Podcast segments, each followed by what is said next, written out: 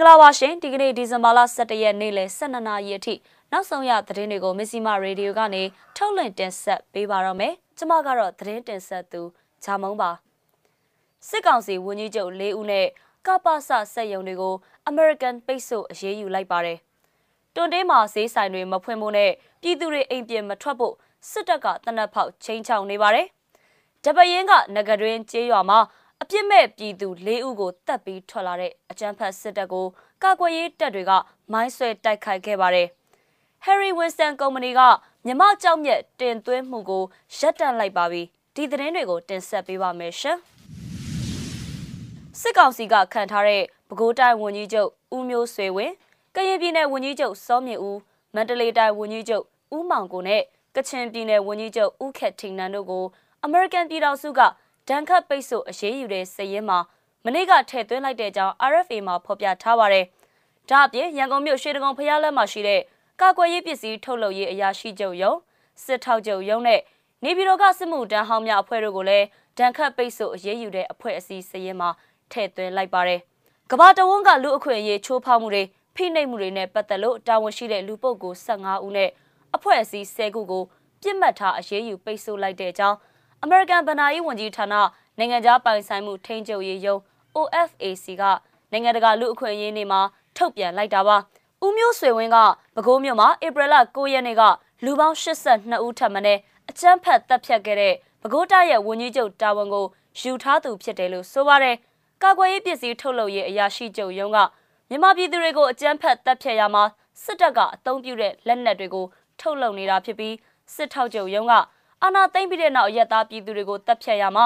စစ်တပ်ကအုံပြုတဲ့ကြည်စံအမြောက်ဆန်တွေအပါအဝင်ခဲရက်မိကြောက်တွေကိုအထစ်ကထောက်ပံ့နေတာလို့ဆိုထားပါတယ်။စစ်မှုတန်းဟောင်းများအဖွဲ့ကလည်းမြန်မာစစ်တပ်ကအကြီးတန်းခေါင်းဆောင်တွေနဲ့ဖွဲ့စည်းထားပြီးလက်နက်ကိုင်တွေရဲ့အရန်အင်အားစုဖြစ်ဖွဲ့စည်းထားတာလို့ American ဘဏ္ဍာရေးဌာနရဲ့ထုတ်ပြန်ချက်မှာဖော်ပြထားတာပါ။တစ်ချိန်တည်းမှာပဲဗြိတိန်အစိုးရကလည်းမြန်မာနိုင်ငံကရက်သားပြည်သူတွေပေါ်ဆက်ပြီးအကြမ်းဖက်ဖိနှိပ်နေတဲ့မြန်မာစစ်တပ်ပေါ် ပိတ်ဆို့အရေးယူမှုအသစ်တွေချမှတ်လိုက်တယ်လို့ဒီကနေ့မှထုတ်ပြန်လိုက်တာပါ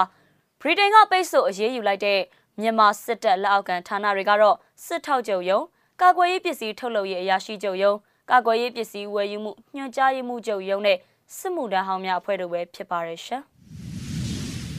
ရန်ကုန်တိုင်းတွန်တေးမြို့နယ်မှာမနေ့ကအတန်တိတ်တပိတ်ပါဝင်ခဲ့တဲ့အတွက်ဒီကနေ့မနက်မှာတော့ဈေးဆိုင်တွေမဖွင့်ဖို့နဲ့ပြည်သူတွေကိုအိမ်ပြင်မထွက်ဖို့စစ်တပ်ကတနက်ဖောက်တောင်းချမ်းပြီး အော်ဟစ်ဆဲဆိုနေတဲ့အကြောင်းရန်ကုန်ခေတ်သစ်ရဲ့သတင်းအရသိရှိရပါတယ်။တွန်တင်းမှာမနက်9နာရီခွဲဆိုရင်ကုံစိမ်းတန်းတွေဖွင့်ပါတယ်ပုံမှန်ပါပဲ။မနေ့ကဘယ်ဆိုင်မှမဖွင့်ဘူး။ဒီကနေ့မနက်9နာရီခွဲပြန်ဖွင့်တဲ့အခါမှာစစ်သားတွေကတနက်ပစ်ဖောက်ပြီးပြန်ပိတ်ခိုင်းပါတယ်။မနက်6နာရီလောက်မှာအိမ်ဆိုင်တွေကိုပါတနက်နဲ့ချိန်ပြီးပြန်ပိတ်ခိုင်းပါတယ်လို့ဈေးသည်တအူးကပြောပါတယ်။အဲ့ဒီလိုပဲတွန်တင်းမြို့ကအုပ်ချုပ်ရေးအဖွဲ့ဝင်တအူးပြောတာက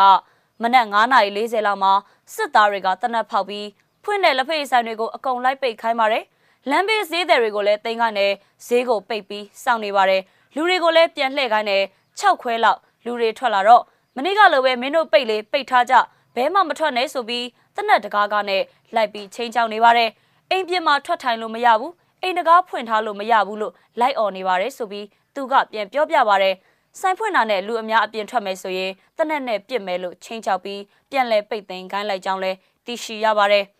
အခုနောက်ဆုံးရရှိထားတဲ့သတင်းအရတော့တွန်တင်းမြို့နယ်ထဲမှာရှိတဲ့ဈေးတွေကို9ရက်တိတိပိတ်သိမ်းဖို့စစ်တပ်ကပြောဆိုနေတယ်လို့သိရှိရပါတယ်။စကိုင်းတိုင်းဒေသကြီးတပရဲမြို့နယ်အနောက်ဘက်ချမ်းငကတွင်ကျေးရွာမှာအပြစ်မဲ့ပြည်သူ၄ဦးကိုတပ်ဖြတ်ပြီးထွက်လာတဲ့အချမ်းဖတ်စစ်ကောင်စီတပ်ကိုကာကွယ်ရေးတပ်ဖွဲ့တွေကမိုင်းဆွဲတက်ခတ်ရမှာစစ်သားတွေထိခိုက်သေးဆုံးမှုရှိနိုင်တဲ့အကြောင်းတပရင် PDF ကဒီကနေ့မှထုတ်ပြန်လာပါတယ်။တပရင်နောက်ဘက်ချမ်းမှာ ဒီဇင်ဘာလ9ရက်နေ့ကတိုက်ပွဲဖြစ်ပွားခဲ့ပြီးတဲ့နောက်စစ်ကောင်စီတပ်ကငကရဲရွာမှာနှစ်ရက်ကြာတပ်ဆွဲပြီးတောင်ဘက်ကိုထွက်ခွာလာခဲ့တာပါအဲ့ဒီကျန်းဖက်စစ်ကောင်စီတပ်ကိုမနေ့ကညနေပိုင်းအင်ပုတ်ရွာနဲ့ဝန်းရံရွာကြားမှာဒေသခံပြည်သူ့ကာကွယ်ရေးတပ်တွေကပူးပေါင်းပြီးမိုင်းဆွဲတိုက်ခတ်ခဲ့တာပဲဖြစ်ပါတယ်ဝန်းရံရွာနဲ့အင်ပုတ်ရွာကြားမှာအဖွဲ့အသီးသီးပူးပေါင်းပြီးတော့ပျောက်ကြားမိုင်းစစ်စေးရေးနည်းနဲ့သူတို့ကိုခုခံတိုက်ခိုက်ခဲ့တယ်လို့တပရစ်အနောက် ကောင်းကင်ပျောက်ကြားတက်တာဝန်ရှိသူကတန်လွင်ခက်သတင်းဌာနကိုပြောပါတယ်။မိုင်းဆွဲတက်ခိုက်ခံရပြီးတဲ့နောက်အကြမ်းဖက်စစ်ကောင်စီတပ်တွေကလက်နက်ကြီးလက်နက်ငယ်တွေနဲ့အချိန်အတော်ကြာအောင်ရန်တမ်းပစ်ခတ်နေခဲ့ပါတယ်။အဲ့ဒီနောက်အင်ပုတ်ရွာတဲကိုဝင်ရောက်တက်ဆွဲပြီးနေအိမ်တချို့ကိုမိရှုမှုတွေပြုလုပ်ခဲ့ပါတယ်။ဒီကနေ့မနက်ပိုင်းထိအင်ပုတ်ရွာထဲမှာရှိနေသေးတဲ့အကြောင်းကောင်းကင်တပ်ဖွဲ့တာဝန်ရှိသူကမနက်9နာရီကျော်အချိန်ကပြောခဲ့ပါတယ်။ဒီမိုင်းဆက်တက်ခိုက်မှုမှာတော့စစ်ကောင်စီတပ်ရဲ့ထိခိုက်မှုအခြေအနေအသေးစိတ်ကို မသိရှိရသေးပါဘူးရှင်။နယူးယောက်ခြေဆိုင်လက်ဝတ်ရတနာရောင်းဝယ်တဲ့ကုမ္ပဏီကြီး Harry Winston ကမြန်မာကြောက်မြက်ရတနာတွေတင်သွင်းနေတာကိုရပ်တန့်လိုက်ကြောင်း Justice for Myanmar ကထုတ်ပြန်ပါတယ်။ဒီအကြောင်းအရာကိုတော့ Delta News Agency ရဲ့သတင်းမှာဖော်ပြထားတာပါ။လက်မှတ်ပေါင်း2500ကျော်ပါဝင်တဲ့လက်မှတ်ရေးထိုးတောင်းဆိုမှုတရက်အပါအဝင် International Campaign for the Rohingya နဲ့ No Business with Genocide တို့ကဥဆောင်ပြုလုပ်တဲ့ လူထုလှုပ်ရှားတောင်းဆိုမှုတွေအပြီးမှာ Harry Winston ကုမ္ပဏီကအခုလိုဆုံးဖြတ်လိုက်တာပါ။ဒါဟာမြန်မာအကြမ်းဖက်စစ်တပ်ရဲ့ရက်ဆက်ကြမ်းကြုတ်မှုတွေမှာငွေကြေးထောက်ပံ့တာနဲ့ကြံရပါပတ်သက်နေတဲ့အနေအထားတစ်ခုကနေလွတ်လွတ်ကင်းကင်းရက်တီပြလိုက်ပြီလို့ဆိုပါတယ်။ကြန့်ရှိနေသေးတဲ့မြမကြောက်မြက်ရောင်းချသူတွေစီးပွားရေးလုပ်ငန်းတွေအနေနဲ့လည်းလူအခွင့်အရေးဆိုင်ရာတာဝန်တွေနဲ့အညီလေးစားလိုက်နာဆောင်ရွက်ရမှာဖြစ်ပြီးမြမကြောက်မြက်တွေရောင်းချတာကိုရပ်တန့်ရပါမယ်လို့ Justice for Myanmar ကထုတ်ပြန်ပါတယ်။မြန်မာနိုင်ငံကကမ္ဘာဗဒများနဲ့ကြောက်စိန်90ရာခိုင်နှုန်းကျော်ကိုထုတ်လုပ်နေပြီးအဲ့ဒီကြောက်မြက်ရတနာတွေကနိုင်ငံတကာဈေးကွက်မှာဈေးအမြင့်ဆုံးဖြစ်တယ်လို့ The Action Network ကဆိုပါတယ်မြန်မာကြောက်မြက်လုပ်ငန်းကိုအာဏာသိမ်းစစ်တပ်ကကြီးစိုးထားတာကြောင့်ကြောက်မြက်ရတနာထုတ်ယူတာနဲ့ကုန်သွယ်မှုလုပ်ငန်းတွေကနေသူတို့ဟာအမျက်အစွန်းတွေအမြောက်အများရရှိနေတာပဲဖြစ်ပါတယ်ရှင်။